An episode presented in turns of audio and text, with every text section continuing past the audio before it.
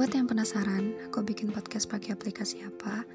Kalian bisa download aplikasi Anchor di App Store maupun Play Store 100% gratis. Selain gampang dan mudah banget, Anchor juga sudah menyediakan semua kebutuhan untuk membuat podcast kamu, termasuk untuk mendistribusikan podcast kamu ke Spotify dan platform lainnya. Jadi, tunggu apa lagi? Yuk download Anchor sekarang dan bikin podcastmu sendiri.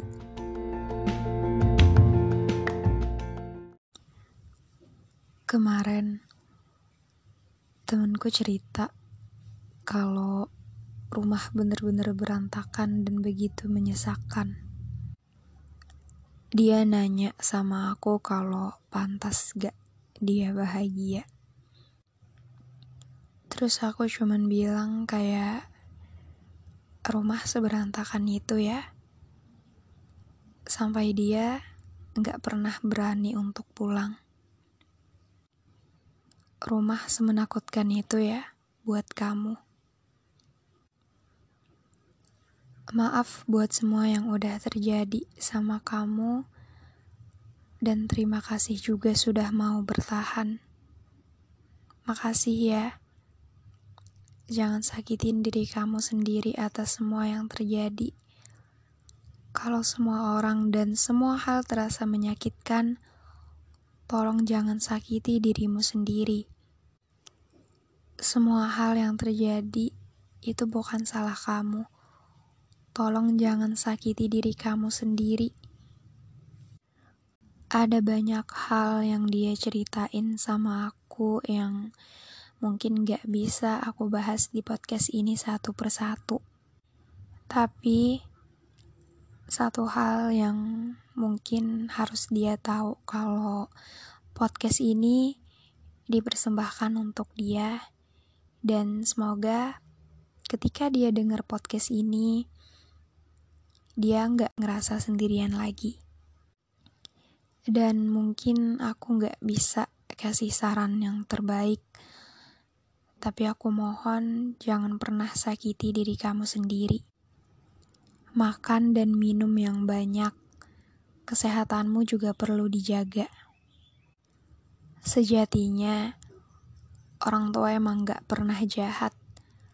Semua orang yang menurut kita jahat itu karena keadaan. Keadaan yang merubah sudut pandang manusia.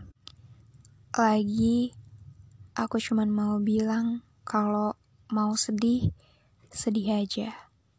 Gak apa-apa. Jangan denial sama perasaan sendiri. Jangan ditahan-tahan sedihnya. Nanti gak baik. Emosi itu perlu dirasakan. Kalau mau nangis, ya nangis aja. Kamu gak bakal dibilang cengeng karena kamu punya hati dan hati berhak rasain semua emosi yang kamu punya. Maaf buat semua hal gak baik yang pernah kamu rasain. Capek ya. Capek ya sama dunia yang jahat ini. Aku harus ngapain biar semuanya kembali terasa ringan atau sedikit meringankan. Kamu punya dua pundak buat bertahan di dunia yang jahat ini. Aku punya dua tangan buat ngerespon semua cerita-cerita kamu. Dan aku gak akan bilang kamu drama atau semacamnya, karena aku ngerti gimana rasanya jadi kamu. Kamu udah hebat, hebat udah mau berjuang buat diri kamu sendiri dan buat orang rumah tentunya. Terima kasih sudah mau berjuang ya. Aku percaya. Aku percaya sama kamu, sama semua cerita kamu, dan gak semuanya harus kamu pendam. Kamu masih punya aku. Aku bakal dengerin semua cerita kamu, mau kamu nyariin aku di jam tengah malam, dini hari, every time. Buat kamu, apa pun itu, aku akan berusaha untuk selalu ada.